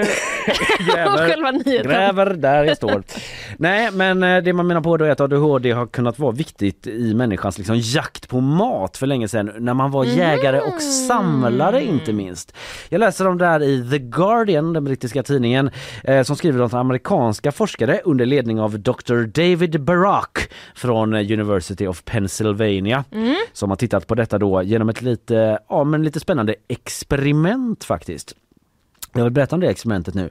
Eh, det är inte så att man har skickat ut massa människor på fältet för att leva som, eh, leva som jägare och samlare. Nej det är inte så. Ett gäng med damp, ett gäng tråkmånsar och en kontrollgrupp av något slag. Så är det inte utan det är liksom en mer kontrollerad miljö då eh, där man har låtit 457 eh, vuxna spela ett slags dataspel där de ska samla in bär från buskar. Och vilket kul dataspel! Ja vad roligt! Wow! Grattis min son på 13-årsdagen. Nu ska du få börja spela dator. Vi har varit strikta där men nu är det dags. Nej men då skulle man samla så många bär man kunde då i den här liksom digitala miljön på åtta minuter. Och ju mer tiden gick då desto fler bär försvann från varje buske naturligtvis. Och då kunde man välja, man hade ett val i det här spelet att liksom hoppa vidare till en annan buske. Men då kostade det tid. Okej. Så att om man gick vidare i liksom jakt på en buske med fler bär Mm. då gick också tiden snabbare så fick man göra den här avvägningen då. Just det. Om det Ska var... jag stanna kvar eller ska jag hoppa? Exakt, ska jag våga liksom? Mm, Mm. Och eh, innan där man gjorde det här testet då med alla de här 457 deltagarna så screenade man deltagarna för ADHD-lika symptomer som det heter i min översättning från The Guardian. Mm. Och där ville forskarna vara tydliga med att man har liksom inte gett folk diagnoser, Nej. diagnostiserat så det är heller inte folk som har kommit in med ADHD-diagnoser utan man fick själva ge svar på frågor eh, kring ADHD. Man gjorde liksom en slags- skattning därifrån Mm. liksom. Att eh, ja, men man svarar på de här frågorna och utifrån det då så liksom ja, placerades man in på en skala ungefär. Och då visade det sig då att de personerna som liksom hade en högre ADHD-score Mm. de var mer benägna att då hoppa vidare till en annan buske. Okej. Så man hade liksom högre ADHD-skattning så eh, bytte man då, ägnade kortare tid på varje bu- buske och tog sig vidare. Och det visade sig då att om man gjorde det i det här spelet så fick man liksom också fler poäng, man samlade fler bär. Okej. Men då undrar jag bara, är man säker på att det, eh, den winnen gäller även i verkligheten? Nej, alltså de pratar ju om det här forskarna, liksom, det här är en indikation och man skulle Ja. liksom behöva göra vidare studier men att det ändå tyder på att man då, alltså under den här perioden när man hade en nomadic lifestyle, Mm. alltså nomader som vandrade runt och Mm. inte bofasta, att man liksom fanns en poäng i att vara en person som tände på gränser, gick före, vågade utforska, liksom inte safeade, satt Just kvar vid det. sin lilla buske. Nej, precis, liksom. Man är ju väldigt dålig samlare om man letar bara på samma ställe hela tiden. Precis, Det och att man, man kanske, kanske liksom var en lite mer risktagande Mm. person. Kanske liksom, eh, det är en annan forskare som man har pratat med, Michael J. Rice, för att liksom komplettera med en forskare från något annat universitet, och från Mm. University College i London, som pratar liksom om att han är också väldigt tydlig med att ADHD eh, för väldigt många är väldigt jobbigt. Liksom, Ja. så att alla vet det. Mm. Bara så vi är Mm. liksom tydliga med det. Men att eh, det kan vara så att liksom, i vissa fall kan eh, man fungera bättre i pressade situationer liksom, på att ta ett beslut och liksom Mm. genomföra det. Och att det skulle kunna vara gynnsamt i utvecklingshistorien då. Att Mm. man, ja men liksom maten börjar ta slut. Man Just har det. ett personlighetsdrag. Gör liksom, någonting. Gör någonting. Man Ja. vågar ta en risk, ge sig ut liksom, utforska ny mark. Ja, det kanske låter typ som att man drar lite väl stora växlar på att 450 personer har spelat ett dataspel. Liksom. Men det går liksom... Forskning. Det är en forskargrupp som Ja. ju ändå liksom har intresserat sig för Ja, det det är här inte ett. LAN Nej, som vi har dragit den här slutsatsen från. Exakt, och det är liksom inte kanske det första de gör Nej. på ämnet heller. Nej. Utan eh, man har liksom tittat på det här ett tag och man vill då liksom utveckla, utvidga den här forskningen eh, framåt. Då. Det framgår inte exakt, eh, exakt hur man ska göra det då liksom. Men att i en drömvärld hade väl varit liksom att skicka ut folk i någon sorts fältstudie. Skicka liksom. tillbaka i tiden kanske? Det hade varit det absolut bästa. Mm. Att bara som Dröm forskare högre. resa 20 000 år tillbaka i tiden eh, och kolla då. Eh, Hej, kan ni formulera, fylla i det här ADHD-skattningsformuläret och sen får jag bara betrakta er ett tag. Ja. Det kommer nog inte gå, Nej. men i alla fall glada nyheter med alla, för alla med ADHD för 20 000 år sedan.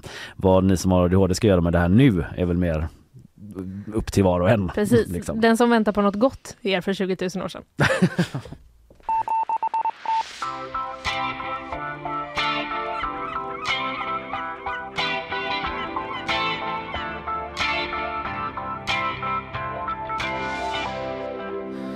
Det är den där tiden på morgonen nu.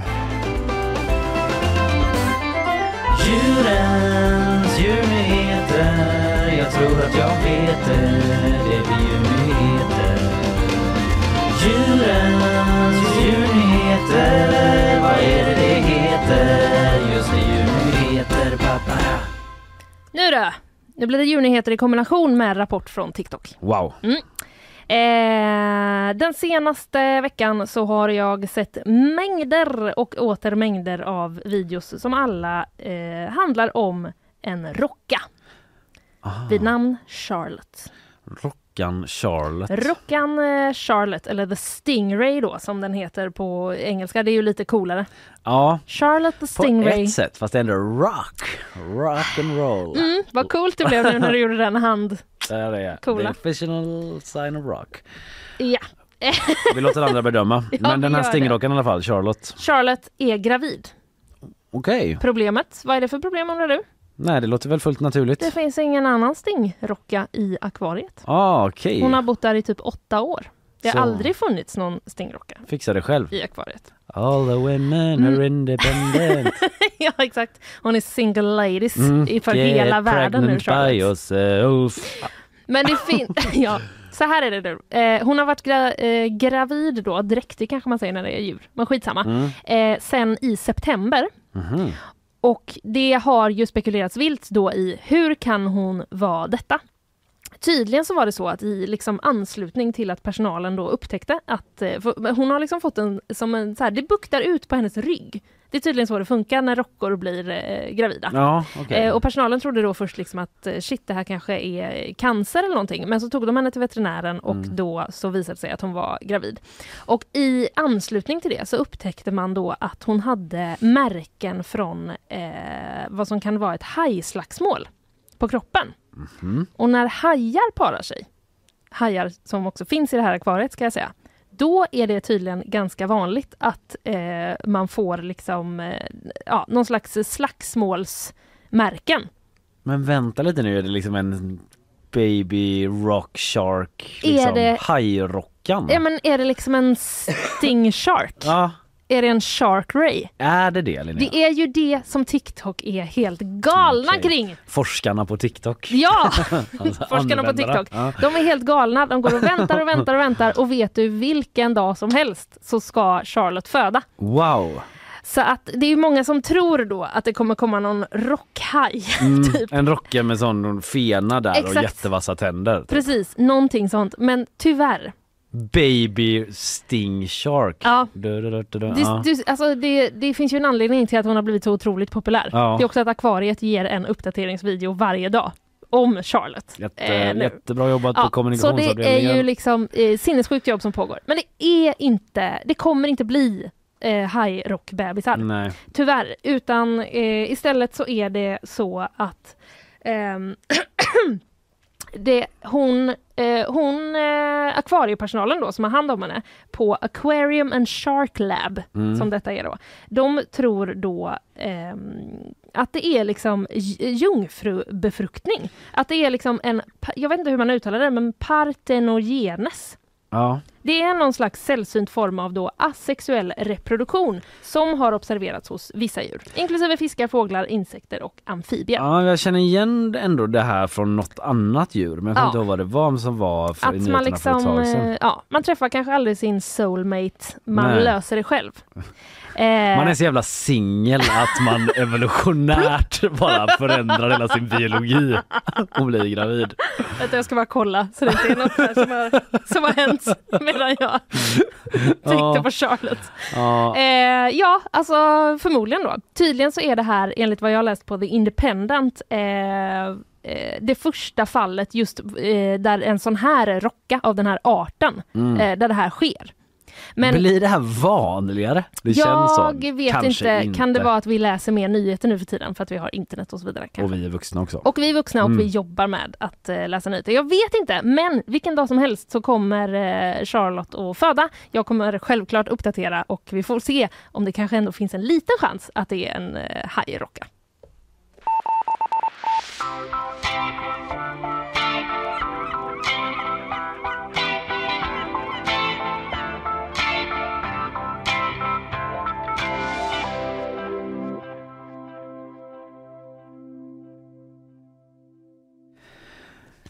3,3 miljoner svenskar dricker för mycket alkohol. Det känns ju som eh, majoriteten nästan av alla svenskar som dricker alkohol. Ja, av vuxna svenskar typ. Det är CAN, Centralförbundet för alkohol och narkotikaupplysning som eh, har släppt en ny rapport eh, som kommit här under morgonen här. Oh, färskt! Mm, färska siffror från dem. Och då snackar man alltså om alltså gränsen för riskbruk då. Mm. Och det är 41 procent skriver TT då av den vuxna befolkningen och en majoritet av alla vuxna som dricker alkohol. Eh, Ulf Oj, det var Gutt Vänta nu här, Guttormsson. Aldrig hört det namnet bara, jag var bara tvungen att ta lite sats för att, att det skulle bli så rätt som möjligt. Ulf Guttormsson, avdelningschef på CAN, säger att den här siffran är väldigt hög men han säger liksom att gränsen är framtagen utifrån statistiska modeller och eh, konstaterar att drickande medför en stor risk, eh, står det här då. Eh, gränsen för riskbruk då, den presenterades ju av Socialstyrelsen i september, det pratade vi om här då. Det var ett liv. Ja men det var Överallt ju kring det. den. Det var ju det här att eh, tio standardglas per vecka eller Mm. fyra glas vid ett enskilt tillfälle minst en gång i veckan i månaden. Mm. Eh, precis, så om du dricker liksom fyra glas i veckan då under en månad Ja, över det, just det. då är det riskbruk. Då är det, risk- då är det nog många som kvalificerar in sig på riskbruk. Ja men det var väl lite det Ja. som blev snackisen och Johan Persson, eh, folk, Folkpartiet. Det var länge sedan, eh, det Ja. trodde man att man hade liksom fått ur ryggraden nu. Verkligen. Liberalernas eh, partiledare Johan Persson, han har ju varit eh, skeptisk till det här tidigare i september då. Eh, ja men jag sa det tidigare i morse Mm. när vi löpet att Mm. då kanske det lät som att det var nu han hade sagt det då men han har varit skeptisk till det tidigare liksom att han säger att jag tror de flesta män i min ålder över 100, över 100 kilo och där han bjussar han lite grann. Eh, på, eh, klarar av att dricka fyra starköl vid ett tillfälle utan att behöva missbruksvård. Då. Han var lite Jaha, så jag klarar nästan. inte det då Nej, Johan Persson? du är bara en sån liten Vad tjej. menar du med Att du är där? en liten liten tjej som Åh, inte kan uh, hold, min- hold your liquor. Det är väl det Johan Persson säger om jag ska tolka honom. Vad, vad är det Ja. annars? Det men han klarar det. Han klarade det. Mm, vad kul. Kar. Toppen. Alla. Kar, lång dessutom. Han löser det. Men eh, ja, i alla fall så vissa, till exempel Johan Persson, tar väl de här uppgifterna då som har kommit under morgonen med en nypa salt om att 3,3 miljoner svenskar dricker för mycket alkohol. Mm. Och det är ju lite sådär, de, de typ så eh, Ja, jag vet inte. Egentligen är det väl som med eh, många andra saker att eh, det, det bästa hade varit ingenting. Alltså, Ja. om man ska hårdra det så, så här, vad ska, man, vad ska gränsen gå? Samtidigt så var Ina inne på det igår att det finns liksom Mm. en viss då eh, utifrån den rapporten som hon pratade om att Just det. det. här med liksom ett måttligt drickande Ja. ändå eh, kunde visa på att så här, folk som ägnade sig åt ett, någon slags måttligt drickande mådde typ bättre nu har jag inte den exakta formuleringen Nej. framför mig men typ mådde kanske bättre psykiskt än Mm. eh, en, en grupp av de undersökta som inte drack alls då. Just det. För att liksom, ett måttligt drickande, det spekulerade vi lite ändå men då så här, skulle kunna liksom ha att göra med att man har typ ett socialt liv också. Just det är det. Ett, en, ett, en umgängesform att ta sig ett glas sådär liksom Mm. och att, ja jag vet inte. Och de som är nyktra, de kan inte vara med på Nej det. de då. sitter hemma och De bara hemma och surar. önskar att de hade kunnat vara fulla liksom. Önskar att de var en man som vägde över 100 kilo. så de hade Exakt. Kunnat hantera det. Önskar att de var Johan Persson helt enkelt. Ja.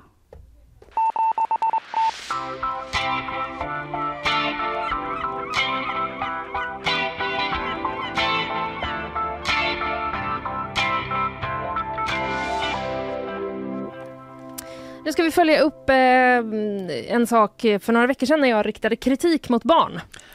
Det gjorde du ja. Ja, eller det var inte jag, jag läste ju en nyhet såklart, men jag, jag bara tyckte att det var väldigt roligt att få vara lite elak mot barn. Det är ju Mm. liksom förbjudet annars. Så att nu var jag det i, gr- i grupp Jag tror mot det dem. är förbjudet jo, jo. i många sammanhang. Men, Okej, men eh, låt höra. reta barn ja. lite grann då, för att de, eh, det var ju den här nyheten om att barn inte kan klippa.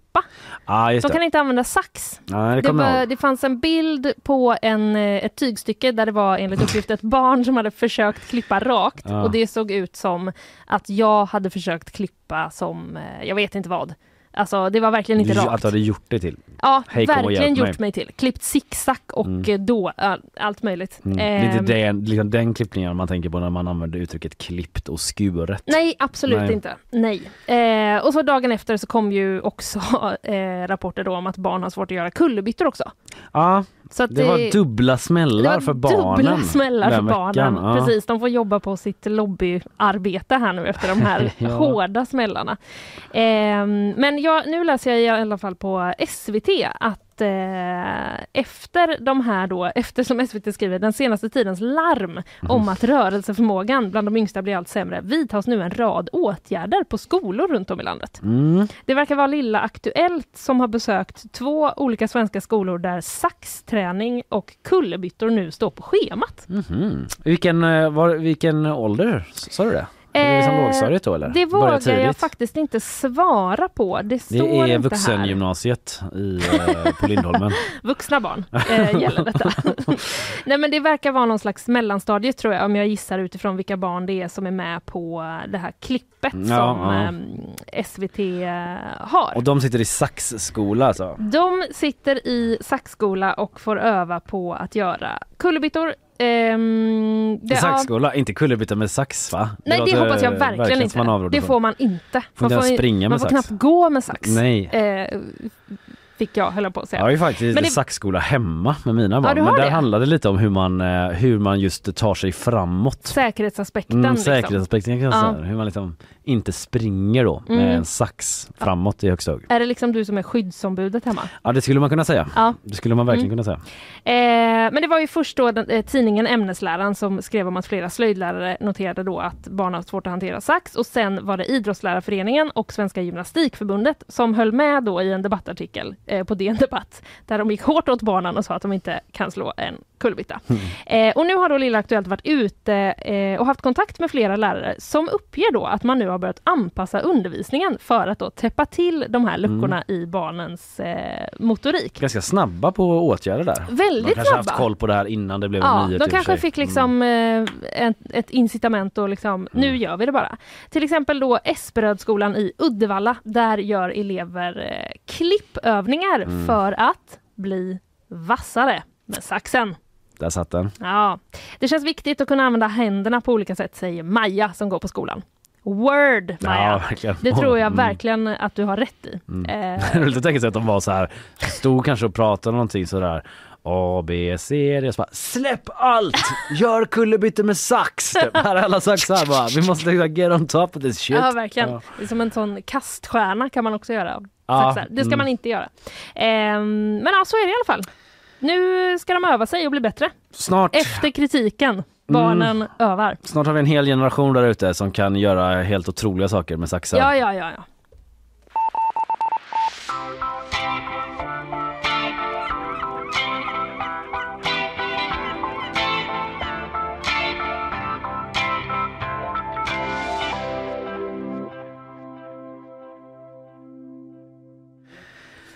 Tre kortnyheter. Kanske till och med fyra innan vi slutar. Mm. Ja men då vill jag ha en kort nyhet på, dem, på de fyra. Jag vill faktiskt ha också kan, en liten del. Du kan hoppa ut, jag, jag hoppar in. Jag, jag trodde inte du hade någon mer. Nej, jag Du vet. bara, vet du vad det är? Nu tar jag resten av alla nyheter själv här. Nej, men jag hade ingen egentligen men sen kom jag på en. Ta din dator Sluta ifrån ta dig. mitt manus här. Eh, det har snackats ganska mycket country här i veckan. Mm. Eh, vi- John Andersson var här igår. Countryvågen sveper fram över Sverige. Göteborg öppnar nya countryklubbar. Gunilla Persson har dansare med cowboyhatt Jajamän. och eh, Lasse Stefans eh, var det väl som ska uppträda i Melodifestivalen. Ja. Ja, Mm. nu eh, på deltävlingen på lördag. Och samtidigt då så har det skett någonting historiskt i USA på countrytema, nämligen att Beyoncé toppar Billboards countrylista. Mhm. Det har aldrig tidigare skett att en svart kvinna har placerat sig som nummer ett där. Aha! Så det är historiska saker vi Wow. talar om. Eh, jag läser eh, detta på eh, Omni som eh, eh, refererar till tidningen Rolling Stone. Då. Ja för hon har släppt något nytt album. Ja, hon släppte ju hon har släppt ett nytt album. Hon släppte ju en låt som premiärspelades vid Super Bowl som heter Texas. Hold'em. Kan spela en jättekort bit av den hoppas Eh, jag. nu spelar du väldigt kort. Ja, är det kort. Ja, det var så kort så Var det så eh, kort? Så kort så du inte ens hörde någonting.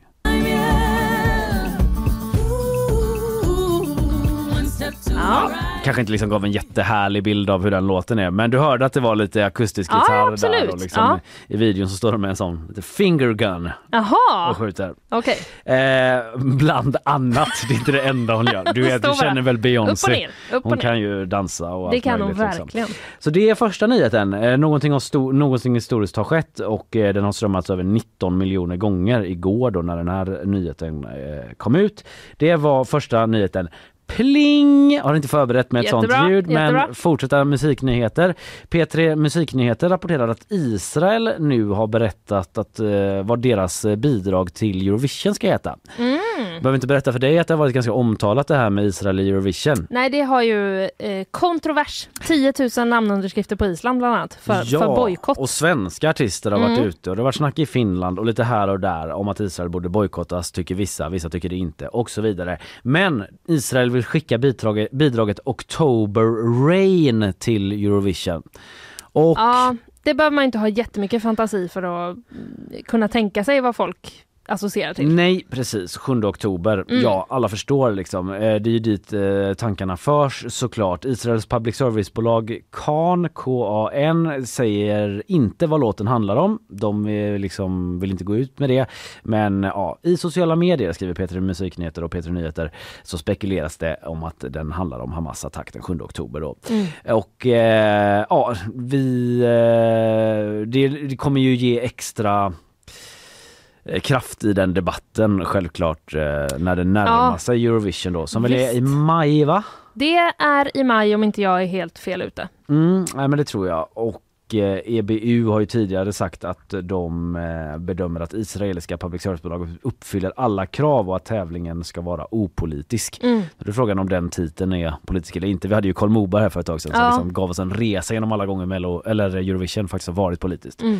Okej, det var andra nyheten. Är vi liksom, orkar vi med? Vi, det gör vi. Ta en sista. Pling! Det är liksom någon sorts kultursvep det här. Ja. Då får Ronja Rövardotter premiär. Men det var ju den jag hade tänkt att jag Nej, skulle ta den nu tog Ja. du ju den ändå. Ja, men berätta. Nej men eh, vet du, jag har inte den uppe här så kör du.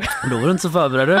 Nej. Kanske var bra att jag hoppade in och tog alla nyheter. Ska vi ta det här snacket efteråt? Jag är inte jätteförberedd jag heller. 28 mars, det har ju ändå varit en resa för Ronja. Ja, exakt. Det var ju jättelänge sedan som jag trodde det var du och Ina som pratade om hur ska det här gå egentligen? Ja, för att det var ju på Viasat och vi vet ju Mm. alla hur läget ligger på Viasat ungefär. Ja, Sådär. så där verkar det De vara. liksom tittar ner i ett helvetesgap av Ja. röda siffror i budgeten. Ja. Aj, aj, Ja. Kom hit! Säger någon till eh, revisorn där. Ja. Inte för att jag tycker om det, men eh, det ser för jävligt ut de här siffrorna. Men nu kan de eh, dra ett vårskrik. Ja, I alla Netflix fall. har ju eh, köpt upp detta då och den 28 mars så får vi se då eh, Sverige Gudnason, Pernilla August, Kristoffer Wagelin och Johan Ulveson och Maria Nora bland andra som eh, ger Ja. sig ut då för att eh, göra, eh, eller ja, då får vi se den helt enkelt. Just det. De En, gjorde- Ja, en förlust på 9,7 miljarder eh, meddelar Emily att Viaplay såg i det här helveteskapet. Då. Okej, Förra var året alltså. siffror. Ja. Det är en ganska verkligen. stor förlust utan att veta vad hela summan är av deras omsättning. Samma siffror som eh, Borkafestet förlorade när de liksom gick upp och mergade med Mattisborgen. Där. ja, ja. Mm. Eh, Men vilka synergier. Mm, verkligen, de Mm. kunde ju samtidigt röva för två där. Precis. Sista nyheten. Bing!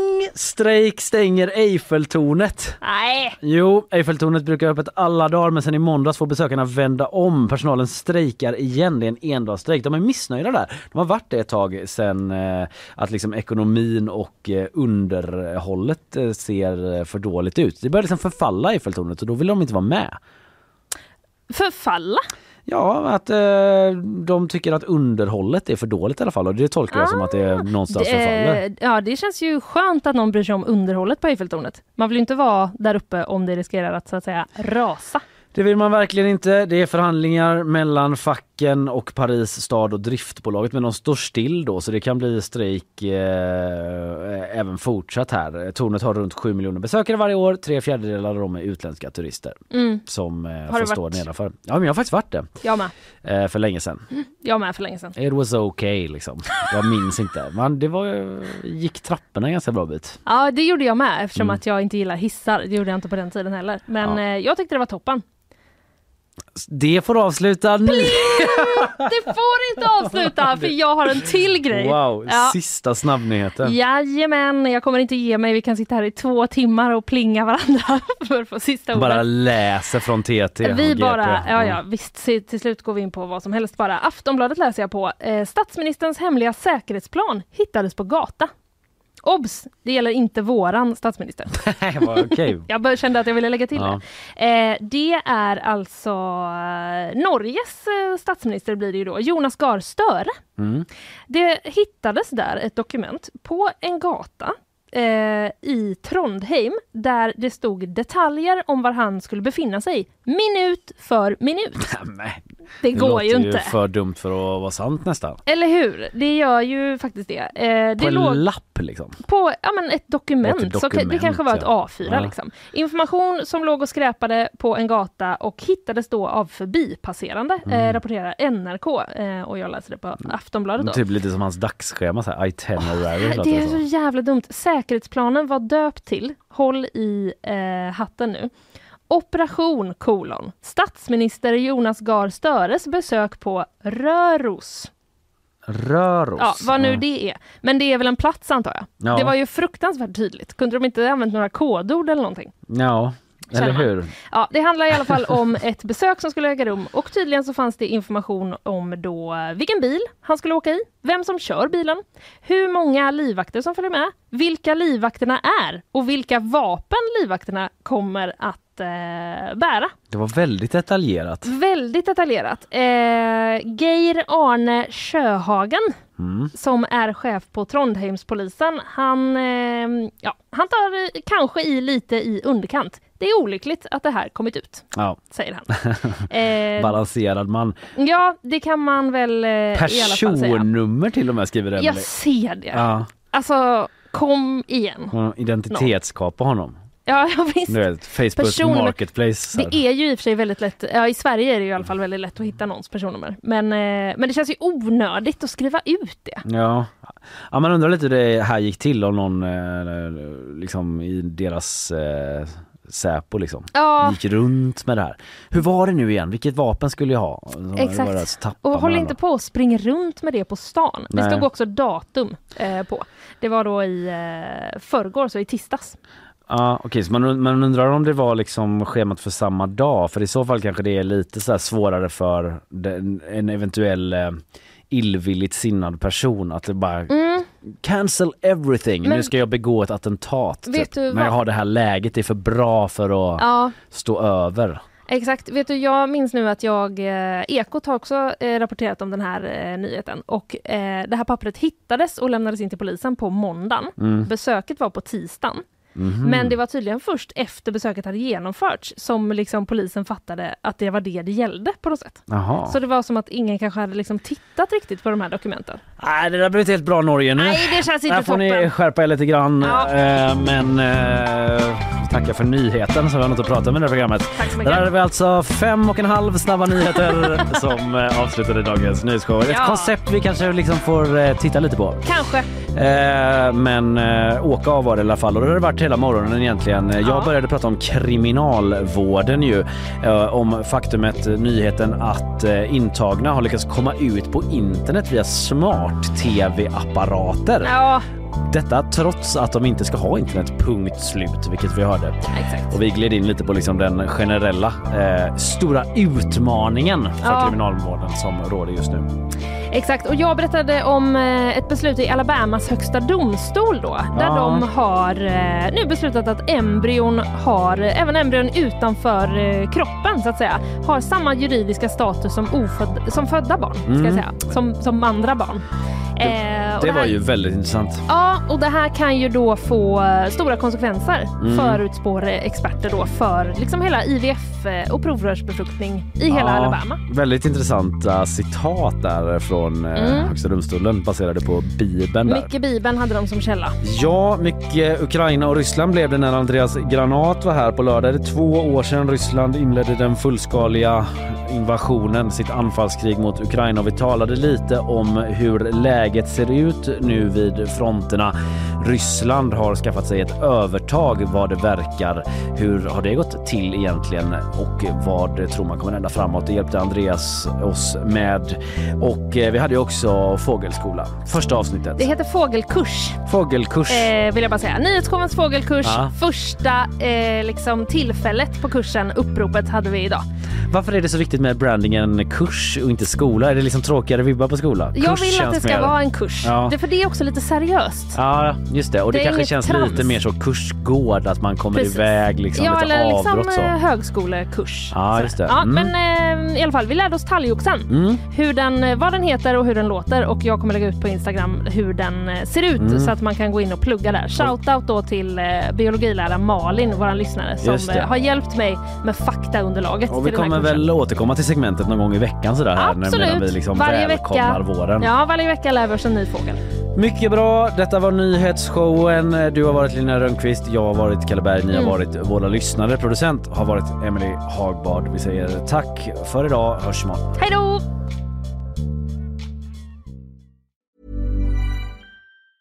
Planning for your next trip? Elevate your travel style with Quince. Quince has all the jet setting essentials you'll want for your next getaway, like European linen, premium luggage options, buttery soft Italian leather bags, and so much more. And is all priced at 50 to 80% less than similar brands. Plus, Quince only works with factories that use safe and ethical manufacturing practices. Pack your bags with high-quality essentials you'll be wearing for vacations to come with Quince. Go to quince.com/pack for free shipping and 365-day returns. Imagine the softest sheets you've ever felt. Now imagine them getting even softer over time. That's what you'll feel with Bowl and Branch's organic cotton sheets. In a recent customer survey, 96% replied that Bowl and Branch sheets get softer with every wash. Start getting your best night's sleep in these sheets that get softer and softer for years to come. Try their sheets with a 30-night guarantee. Plus, get 15% off your first order at bowlandbranch.com. Code BUTTERY. Exclusions apply. See site for details.